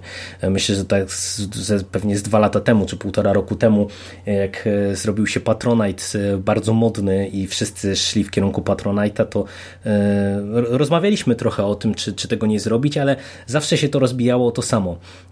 Co mielibyśmy dostarczać dla patronów? Skoro my w zasadzie E, dostarczamy Wam e, za darmo e, jeden odcinek dziennie, no bo tak to średnio wychodzi. No nawet jak teraz nam trochę aktywność spadła, no to wiecie, co mielibyśmy Wam dostarczać więcej? No nie wiem, przedpremierowe odcinki nie da rady, bo my bardzo często nagrywamy na wariata i nie chcielibyśmy się wiązać po prostu czymś takim, że nie wiem, że musimy patronom na przykład wysłać odcinek tydzień wcześniej, bo to jest tak, że e, w tej chwili my, e, nie wiem, o 23 kończymy nagranie, e, a o godzinie 10 następnego dnia podcast już wisi zmontowany i jest udostępniony. Nie wiem, tematy jakieś, o których my mówimy, też średnio nam taki coś podchodzi, no bo jednak, y, wiecie, my nie mamy za dużo czasu na konsumpcję popkultury, e, więc y, nie wiem, takie omawianie rzeczy na zlecenie mogłoby być fajne, ale niekoniecznie. I to już byłby taki aspekt trochę bardziej pracowy. E, więc Patronite y, w sumie odpada. A wracając do tego tak zwanego prawdziwego życia, no pewnie moglibyśmy na tym zarabiać, jakbyśmy weszli w YouTube'a, jakbyśmy zaczęli to traktować jak, jak pracę, e, no bo wtedy to trzeba by było zacząć to traktować jak pracę. Wejść w promocję, wejść we współpracę na poważnie z wydawnictwami, z jakimiś firmami, robić live'y, robić materiały wideo, udzielać się na konwentach i tak dalej, i tak dalej. I to są wszystko rzeczy takie, które w zasadzie determinują, że my nie zarabiamy, żeby nie, bo to nawet nie jest, że głównie żyjemy z nagrywania podcastów, bo to jest w ogóle naprawdę śmieszne pytanie, e, ale my w ogóle nie zarabiamy na podcastach, a moglibyśmy pewnie coś tam na nich e, zarabiać, ale, ale no po prostu nie mamy na to czasu. Nie? Trochę. Jakoś każdy z nas woli nagrać kolejny odcinek niż ogarnąć marketing. I ja, ja wiem oczywiście, że to jest kretyńskie to, co ja w tej chwili mówię, bo pewnie przy naszej częstotliwości to, e, nie wiem, wystarczyłoby spuścić trochę stonu i zająć się właśnie jakimś tam marketingiem, e, poszerzeniem jakiejś tam e, oferty, możliwości współpracy, czy nawet pochylić się nad tym Patronite'em. No ale to, to mówię, jakoś to nie leży w tym naszym charakterze działalności, no bo to zabrzmi trochę egoistycznie, zważywszy na to, że mówimy do Was już entą godzinę w ramach tego Q&A, ale po prostu jest też tak, że te podcasty to są w dużej mierze dla nas. Nie? Ja tu już też mówiłem w trakcie tego QA. My nagrywamy e, dla siebie, dla, jako odskocznie dla E, tej codzienności naszej, aby porozmawiać o czymś, aby się z czegoś pocieszy, e, pocieszyć razem, e, bo coś wyszło fajnego, na coś się powkurzać, wymienić się jakimiś doświadczeniami i, i, i to jest dla nas super, a, a po prostu no niestety za późno chyba, żeśmy weszli w ten podcasting albo na przykład za późno, żeśmy pomyśleli o YouTubie, żeby w tej chwili zaryzykować, nie wiem, rzucić pracę i, i zacząć żyć nagrywania. Także tak, no, rozbawiłeś nas, drogi Franciszku. Czy piszecie czasem scenariusz odcinka, czy mówicie zawsze na spontanie? E, bardzo rzadko. To znaczy takiego scenariusza konkretnego to chyba nigdy. Raczej mówię na spontana. E, kiedyś e, pisałem. Kiedyś pisałem bardzo dużo. Podcasty sprzed konglomeratu są w większości prawie że czytane. No i to przez lata tak robiłem. To słychać, nie? Odpalcie sobie pierwszy lepszy podcast, ale nie dialog, tylko monolog mój e, sprzed konglomeratu i słychać. To, to słychać, ja mówię tam zupełnie inaczej, nie? E, konglomerat mnie tego oduczył. Od, od w zasadzie pierwszych odcinków, gdzie zaczęliśmy nagrywać hurtem, gdzie przez kilka miesięcy nie mieliśmy gdzie nagrywać takich rzeczy, e, jak, jak konkretnie poza kingowych, bo kombinat nie działał. Tak nagle jak ruszył konglomerat, to ja jak dorwałem mikrofon, to zacząłem po prostu wypluwać z siebie wszystko, co chciałem powiedzieć. Wyrzuciłem z siebie tych odcinków mnóstwo y, wtedy, dlatego mieliśmy od początku dosyć duże zaplecze, bo nie tylko ja to zrobiłem i naprawdę od startu konglomeratu nauczyłem się po prostu mówić na spontana. E, także scenariusz e, bardzo rzadko, zdarza się. Jeśli to jest jakiś odcinek, w którym muszę zrobić bardzo duży research, to bywa, że mam dużo rozpisane. Jeśli to jest jakiś odcinek, w którym chcę powiedzieć konkretnie konkretne rzeczy i nie chcę się pogubić w dygresjach, to bywa, że sobie rozplanowuję po kolei e, takie punkty, które mam poruszyć. E, jeżeli to jest odcinek mm, o czymś, jakimś, wiecie, dużo szczegółów mam pozbieranych, to, to mam obszerne notatki, ale one są bardzo często chaotyczne. Gdzieś tu strzałki, gdzieś tu cuda, nie? Na, na kiju. E, staram się już teraz nie robić zbyt dokładnych notatek, bo wiem, że jak zaczynam pisać to, co chcę powiedzieć, to ciężko mi się zatrzymać i bywa, że piszę całe zdania i bywa, że, że, że nagle mam cały akapit do, do, napisany. Nawet teraz to mam. Czasami mam coś w głowie, że chcę konkretnie coś powiedzieć i zaczynam to sobie zapisywać i albo napiszę piszę jeden wyraz i potem po prostu wiem, że tu miałem o tym powiedzieć i to rozwijam i, i tak jest najlepiej, ale czasami zaczynam pisać, żeby się nie zgubić, że kurczę, te kilka rzeczy chcę poruszyć, zaczynam pisać i mi wychodzi na przykład strona A4 ręcznie zapisana, nie? I, I, w zasadzie to potem odczytam w takim podcaście prawie, że, bo właśnie dlatego staram się nie robić zbyt dokładnych, bo jeśli są zbyt dokładne, to nie odpływasz, bo masz wszystko na kartce, więc zaczynasz czytać, czytasz i nie dodajesz nic od siebie. E, to nie jest płynna wtedy, płynny monolog. Fajniejszy jest, gdy nie mam tych notatek, gdy napiszę sobie jedno słowo i ja pamiętam, co miałem powiedzieć, e, szczególnie, że to często przetwarzam w głowie, jak jestem szczególnie na popce, tak jak dzisiaj, na popołudniówce, na drugiej zmianie, to wiecie, w tych słuchawkach e, tłumiących głośno jest, to bywa, że ja sobie e, taki podcast, wiele rzeczy przemyślę, przetworzę w głowie, co mam powiedzieć, no akurat dziś tego nie zrobiłem. Dzisiaj totalnie na spontana, ja nawet tych pytań w zasadzie, znaczy przeczytałem wcześniej, ale teraz muszę za każdym razem jeszcze raz przeczytać sobie po cichu każde pytanie, bo, bo nie pamiętam ich i, i w ogóle prawie nie przemyślałem odpowiedzi na nie. E, także często robię takie pojedyncze wyrazy. Do dialogów bardzo rzadko. Szczególnie jak rozmawiam z Jerem. Albo z Szymasem, ale z Szymasem rzadko. E, ale jak z Jerem, z Jerem nagrywam najwięcej chyba dialogów, to wiem, że ta rozmowa będzie płynąć. I bywa, że nic nie mam. Idę do samochodu, biorę sobie pustą kartkę A4, tak na wszelki wypadek i długopis, że w razie jakby mi coś w trakcie rozmowy przyszło do głowy, żeby zapisać. Jak na przykład Jerry będzie mówił, to żeby mu nie przerywać, sobie zapisuję, żeby, żeby do tego się mm, e, odnieść i, i bardzo często ta kartka zostaje pusta po nagraniu, bo nic sobie nie napiszę. A czasami, wiecie, siedząc w samochodzie, mm, zanim się połączymy, to na szybko sobie wypiszę pięć myślników, na przykład o czym chciałbym powiedzieć. Ale to dosłownie jeden wyraz, dwa wyrazy przy każdym myślniku. Także bardzo się cieszę, że nauczyłem się tak nagrywać. To jest coś, coś najfajniejszego, bo, bo, bo zawsze chciałem tak nagrywać. Zawsze zazdrościłem ludziom, którzy coś takiego potrafią. Przez lata naprawdę nie potrafiłem czegoś takiego robić. A nagrywałem. Dużo. Do przekastów zazwyczaj powstaje plan nagrania, gdzie po prostu mamy wypunktowane rzeczy, o których będziemy mówili. I raczej trzymamy się go też luźno.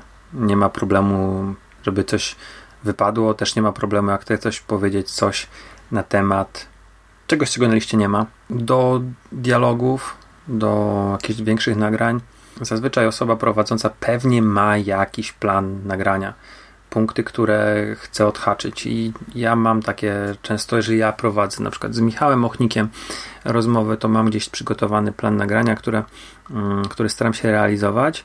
E, ale często bywa tak, że siadam do nagrania z Mando i obaj nie mamy notatek, obaj nie mamy pomysłu i jakoś ta mm, audycja leci.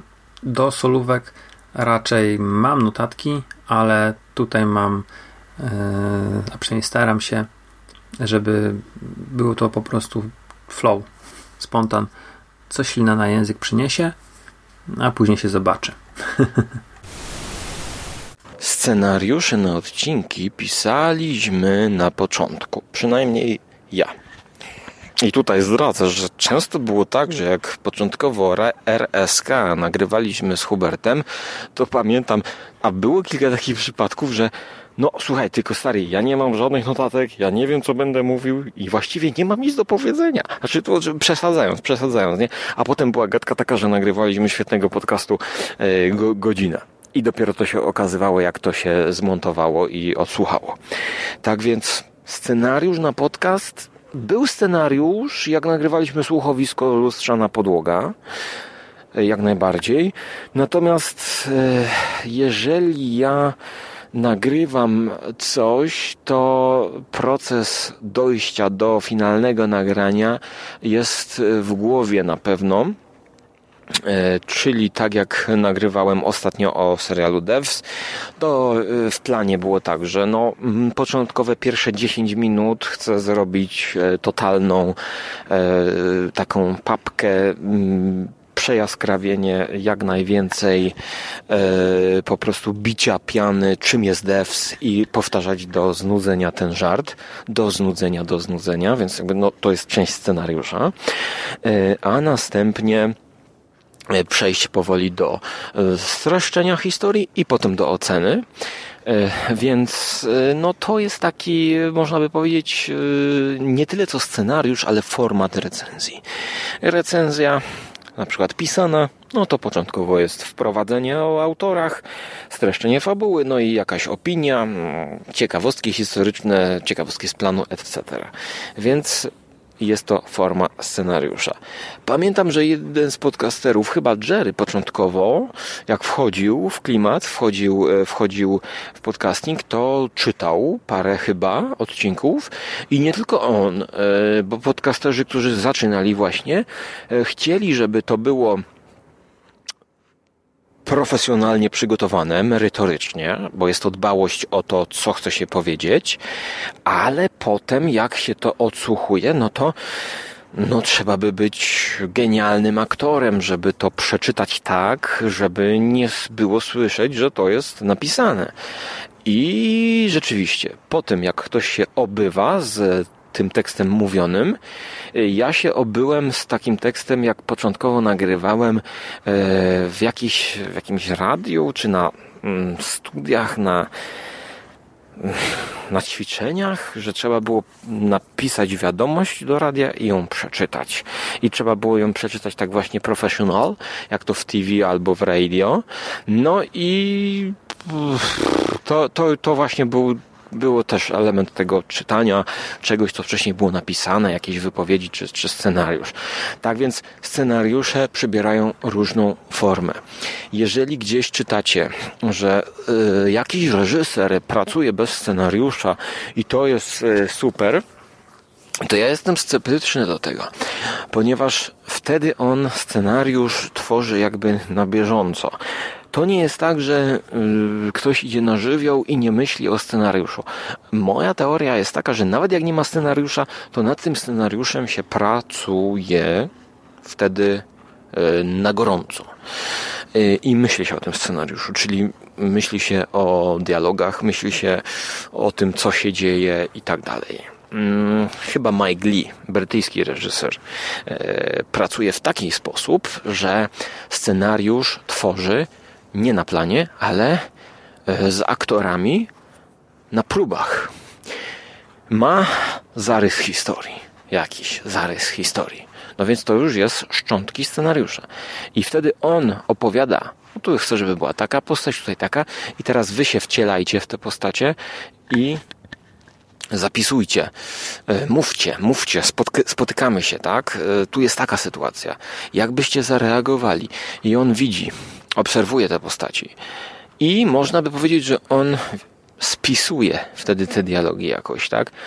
Czy to w głowie sobie spisuje, czy to na kartce, to nie ma znaczenia, bo to jest element scenariusza. Y, ale za bardzo odbiegam od tematu. Wydaje mi się, wchodzę w dygresję i wydaje mi się, że dobry podcast można nagrać bez scenariusza i ze scenariuszem, ale Scenariusz to zupełnie coś innego niż przygotowanie, background, e, wiadomości, e, research i tak dalej. Ja na przykład mam tak, że jak e, na, nagrywam te takie podcasty, no przez epidemię już przestałem, wracające z kina, to wiem, że na początku, no dobra, e, jadę, wracam, no to dobra, 5 minut, żeby w tle było słychać, że jadę silnikiem, żeby słuchacz się wczuł, że jest jakaś sytuacja prawdziwa, że podcaster jedzie i, i nagrywa, no ale potem już to na dłuższą metę mogłoby zmęczyć, no to wiemy i planuję, że nacisnę pauzę na dyktafonie i dokończę powiedzmy jak stanę, nie? I po, potem jeszcze mogę sobie na przykład zaplanować, że e, no podsumowanie to powiem w domu, domu i tam jakąś scenę, więc ja zwykle mam taki scenariusz właśnie um, konceptualny, czy nagrywać tu, czy tam, czy zrobię jakąś wstawkę mniej więcej, no to ja już jakby nagrywając też wiem, że na przykład tutaj zrobię pauzę, zawieszenie głosu, bo tu będzie pasować mi jakaś wstawka z trailera na przykład. I to już e, też jest jakiś element scenariusza przyszłej audycji. Tak więc e, tak, na przykład tak robię w serii biblioteka grozy. Często. Scenariusz odcinka, scenariusz podcastu. Hm, wiesz, mm, to wszystko zależy od tego, jaki ma się temat, y, bo mm, generalnie jeśli o mnie chodzi, to przy solówce tak. Przy solówce, y, szczególnie na początku, jak nagrywałam, mm, po tym moim pierwszym spontanicznym, y, po tym moim pierwszym spontanicznym podcaście, kiedy nie miałam absolutnie żadnych, y, żadnych notatek, to potem jakoś tak zdałam sobie sprawę z tego, że jest cała masa myśli, które przychodzą mi do głowy i które trzeba do pewnego stopnia usystematyzować. I że jest sporo takich rzeczy, których na przykład nie chciałabym ominąć w podcaście, o których chciałabym powiedzieć, bo wydają mi się istotne, ważne i na przykład jakieś e, skojarzenia, mm, które mogą naprowadzić mm, potencjalnego czytelnika czy widza, no to, to też wydają mi się e, jakimiś takimi ciekawymi informacjami, mm, dodatkami. Przy solówkach tak, przy solówkach rzeczywiście zdarza mi się e, pisać sobie punkty. Na początku było to tak, że pisałam sobie po prostu hasłami, na zasadzie, że powiedz o tym, powiedz o tamtym tutaj e, coś. Tam wystarczyło na przykład jedno zdanie albo jedno słowo, które naprowadzało mnie automatycznie na temat. Mm, ale potem zdałam sobie sprawę, że y, to nie do końca się sprawdza jednak, bo ja jestem też osobą taką, w której mm, w momencie, kiedy mówi, przychodzą do głowy różne rzeczy. Mm, w taki sposób, że jak y, zaczynam o czymś opowiadać, to nagle pojawi, znikąd pojawia się dygresja. Jakaś, coś mi się nasuwa, jakaś myśl i y, zaczynam mówić o tym, co mi przyszło do głowy, zapominając jednocześnie o tym, że na kartce mam zapisane coś innego. Nie? I potem naciskam stop w dyktafonie i tak patrzę na te notatki i o rany, nie powiedziałaś o tym, nie powiedziałaś o tamtym. To są w sumie nieistotne rzeczy, nie? bo wy z perspektywy słuchacza nie wiecie, y, jaki jest materiał wyjściowy do danego podcastu. Nie widzicie tych moich notatek, chociaż Hubert na y, Facebooku wrzucił zdjęcie swoich, y, swoich notatek, czym mnie bardzo ogromnie zaskoczył, bo wydawało mi się, że Mando y, nie robi aż tylu notatek. To od notatek w naszej redakcji to był Szymas zawsze. I Szymasa jestem sobie w stanie wyobrazić właśnie zawalonego tonami papieru. Sorry, Szymas. No, naprawdę tak jest. Y, Szymon ma podobne myślenie jak ja i, i, wydaje mi się, że to, co ja robię, to w jego przypadku jest nawet podbite do potęgi entej. Na takiej zasadzie, że jak ja powiedzmy do mm, odcinka o Tokarczuk miałam tam sześć stron y, notatek, czy siedem, no to Szymas miał tego 15. Przyznaj się, ile miałeś notatek do podcastu o opowiadaniach bizarnych, bo ja chyba dostałam tę skróconą wersję, prawda? Y, przy dyskusjach jest troszeczkę inaczej, jeśli chodzi o te podcasty, które nagrywamy y, we dwoje, we trójkę y, lub tam w ogóle w większym gronie, no to jest tak, że mm, ja oczywiście mam wynotowane kilka takich rzeczy, które chciałabym poruszyć, mm, ale to jest zupełnie inna rozmowa. Nie? Tutaj nie jesteś zdany sam na siebie. E, to nie jest tak, że e, gadasz sobie do jakiegoś wymyślonego odbiorcy, któremu o tym opowiadasz i starasz się utrzymać jego uwagę przez tam na przykład 20 minut, pół godziny, w zależności od tego, jaki długi ten podcast wychodzi. W momencie, kiedy się rozmawia, to e, jest zupełnie inaczej, bo wtedy możesz reagować na bieżąco, e, możesz się denerwować lub nie, e, w zależności od tego, jakie, mm, jakie informacje będą przychodziły od Twojego rozmówcy, mm, no to możesz właśnie albo się wkurzać i tutaj przywoływać od razu argumenty, które no, będą negowały to, co myśli Twój rozmówca, albo albo się zgadzać, cieszyć się, jakieś wymieniać właśnie żartami. Mm, ja z perspektywy czasu dochodzę do wniosku, że chyba jednak wolę nagrywać dyskusje, bo e, jeśli chodzi o rozmowy z kimś, to jakoś tak łatwiej jest mi się, e, jest mi się zebrać w sobie. Jak mam nagrać solówkę, da, dawno nie nagrywałam solówki. Większość tych podcastów, które się, które się ostatnio y, ukazały, to, mm, to były właśnie dyskusje, rozmowy z Także e, chyba jednak rzeczywiście wolę, e, wolę taką formę. E, no ja mam notatki. Ja mam notatki do tego podcastu teraz, kiedy odpowiadam na pytania, to jest tych kartek rzeczywiście całkiem sporo, ale to wynika, to wynika z faktu, że rzeczywiście tych pytań jest dużo i jakoś muszę to sobie wszystko tutaj mm, poukładać poukładać po kolei, co mam mówić, mm, ale nie są to takie dokładne scenariusze y, na zasadzie, że teraz powiedz o tym, albo tutaj możesz wspomnieć o tym czy o tamtym. Ja nie planuję wykładu uniwersyteckiego, w którym muszę w określonym czasie zawrzeć jak najwięcej informacji. Ja nagrywam podcast, to ma być frajda. To też nie, nie może być y, zrobione w taki sposób, że ja się spinam, y, chociaż ja i tak jestem zawsze dość konkretnie zestresowana przed, y, przed nagraniami i też mi zależy na tym, żeby one wypadły właśnie jak najlepiej. Mm, ale mimo wszystko ja y, odczuwam frajdę. Ja czuję się naprawdę bardzo zadowolona w momencie, kiedy uda mi się nagrać kolejny podcast, także mm, nie, plan i takie jakieś scenariusze też e, troszeczkę właśnie wymuszają jakiś taki rygor, y, a przy takim medium, jakim jest podcasting, to chyba też pójście na żywioł, właśnie ten spontan e, jest taką rzeczą, która też dla słuchacza e, jest chyba ciekawszym mm, ciekawszym sposobem opowiadania, bo y, wy to byście wyczuli, gdybym ja na przykład siedziała z napisanym scenariuszem, jakbym czytała na przykład coś, co sobie przygotowałam wcześniej, bo to słychać, jest, zupełnie inny rytm głosu, zupełnie inaczej. Tutaj kiedy ja opowiadam, tak jak teraz, to wy słyszycie, że to jest na bieżąco, że ja nie mam tego przygotowane, że ja po prostu płynę, mówię. E, o taki efekt mi chodzi. Nie chcę, mm, żebyście czuli sztuczność w tym wszystkim. Chciałabym, żeby to było jak najbardziej wiarygodne i też dzięki temu, dzięki temu fajne. Więc notatki, które ułatwiają pracę, tak, ale jakieś takie y, ścisłe, sztywne e, scenariusze nie, zdecydowanie nie. Hmm, przyznam, że gdy nagrywam solo albo prowadzę jakąś dyskusję, to zawsze mam notatki. Po prostu czuję znaczy ja mam w ogóle problem z nadmierną odpowiedzialnością, ambicją i tak dalej.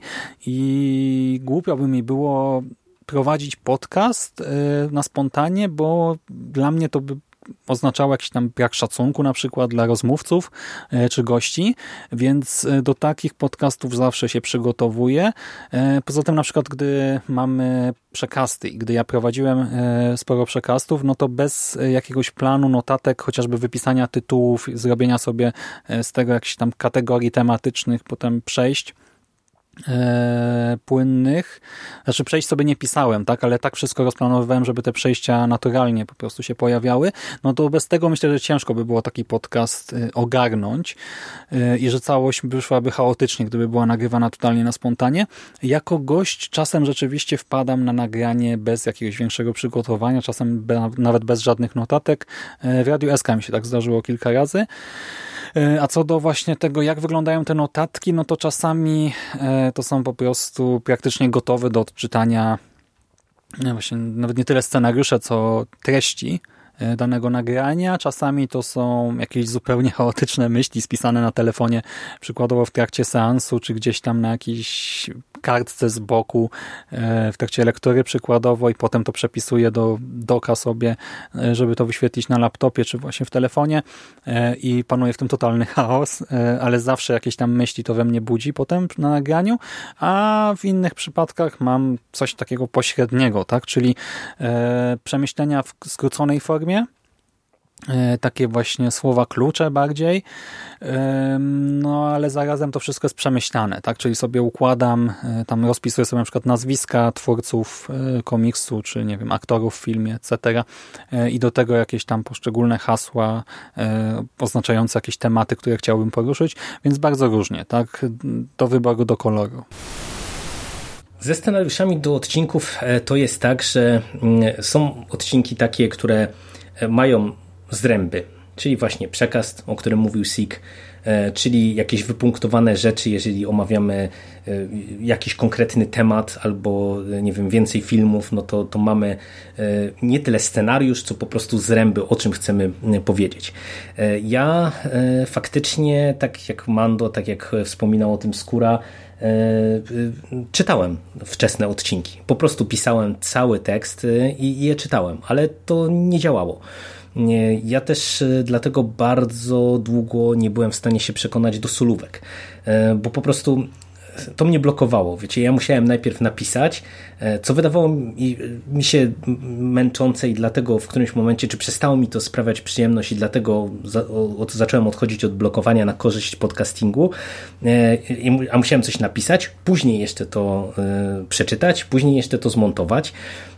I e, ja e, w którymś momencie zacząłem od tego odchodzić i tak naprawdę właśnie konglomerat, gdzie my zaczęliśmy nagrywać na masową skalę bardzo dużo dyskusji, e, nauczył mnie dopiero takiego płynnego nagrywania, płynnego mówienia i w zasadzie w tej chwili to my nie robimy scenariuszy. Wiecie, kiedyś to naprawdę, to była inna bajka trochę. Były te ramy fabularne słynne do Necropolitanu, e, były jakieś odcinki specjalne, gdzie, gdzie były jakieś tam scenariusze, ale to właśnie były bardziej takie fabularyzowane jakieś tam wstawki do podcastów, nie? Natomiast w tej chwili no to, to, to jest często tak, że e, nie wiem, my się umawiamy e, na jakieś nagranie i nie wiem, man dokończy pracę, pyta, możesz? Mogę, siadamy i jazda. I godzina e, podcastu e, i, i w zasadzie tak to wygląda. No, po prostu już wypracowaliśmy na tyle e, dobre, dobry poziom zrozumienia tutaj siebie wewnętrznie, że no, to, to tak wygląda. No, to ja nie wiem, czy, czy to pytanie jest związane na przykład z tym, że ktoś zauważył spadek jakości, nie daj Boże, bo mnie chłopacy zlinczują, bo ja jestem głównym orędownikiem tego, żeby nagrań e, nie montować. E, i e, jak Mando się śmiał tutaj w tym Q&A albo, albo będzie się śmiał, bo znowu wracam do tego, że nie wiem w jakiej kolejności te pytania lecą, skąd Jerry miał czas na to, żeby montować podca odcinki podcastów, w trakcie kwarantanny no, no, nie miał czasu. Po prostu no, Jerry przestał montować odcinki podcastów i yy, spróbujcie, jeżeli nas słuchacie regularnie, yy, znaleźć moment, w którym odcinki podcastów przestały być montowane. Yy, I jak nie, nie wiecie, co to znaczy, że przestały być montowane, no to znaczy mniej więcej tyle, że ja, ja po prostu sklejam ścieżki, wizualnie skracam pauzy, jeżeli widzę, że gdzieś powstaje luka pomiędzy zdaniem jednej, drugiej, trzeciej osoby i, i po prostu i to tak odcinek odcinek idzie. No, tyle. Także, także to najlepiej obrazuje też poziom zrozumienia, jaki my żeśmy osiągnęli, że po prostu uznałem, że nie ma co ciąć, nie ma co wycinać e, i, i po prostu możemy sobie pozwolić, żeby nagrywać odcinki na spontana. I mówię, pewnie to jest też trochę tak, że moglibyśmy się nieraz dogłębniej przygotować, zrobić e, większy research, większą analizę, ale żebyśmy się dobrze zrozumieli. E, brak scenariusza, takiego jakiegoś sztywnego, to nie jest brak przygotowania. My się nadal przygotowujemy do tych odcinków, e, tylko po prostu jakby sama gadka jest właśnie taką rozmową na spontanie, albo nagraniem na spontanie, jeżeli to jest solówka. Na dzisiaj to wszystko. Dzięki i do usłyszenia już jutro w kolejnej odsłonie naszego rocznicowego Q&A.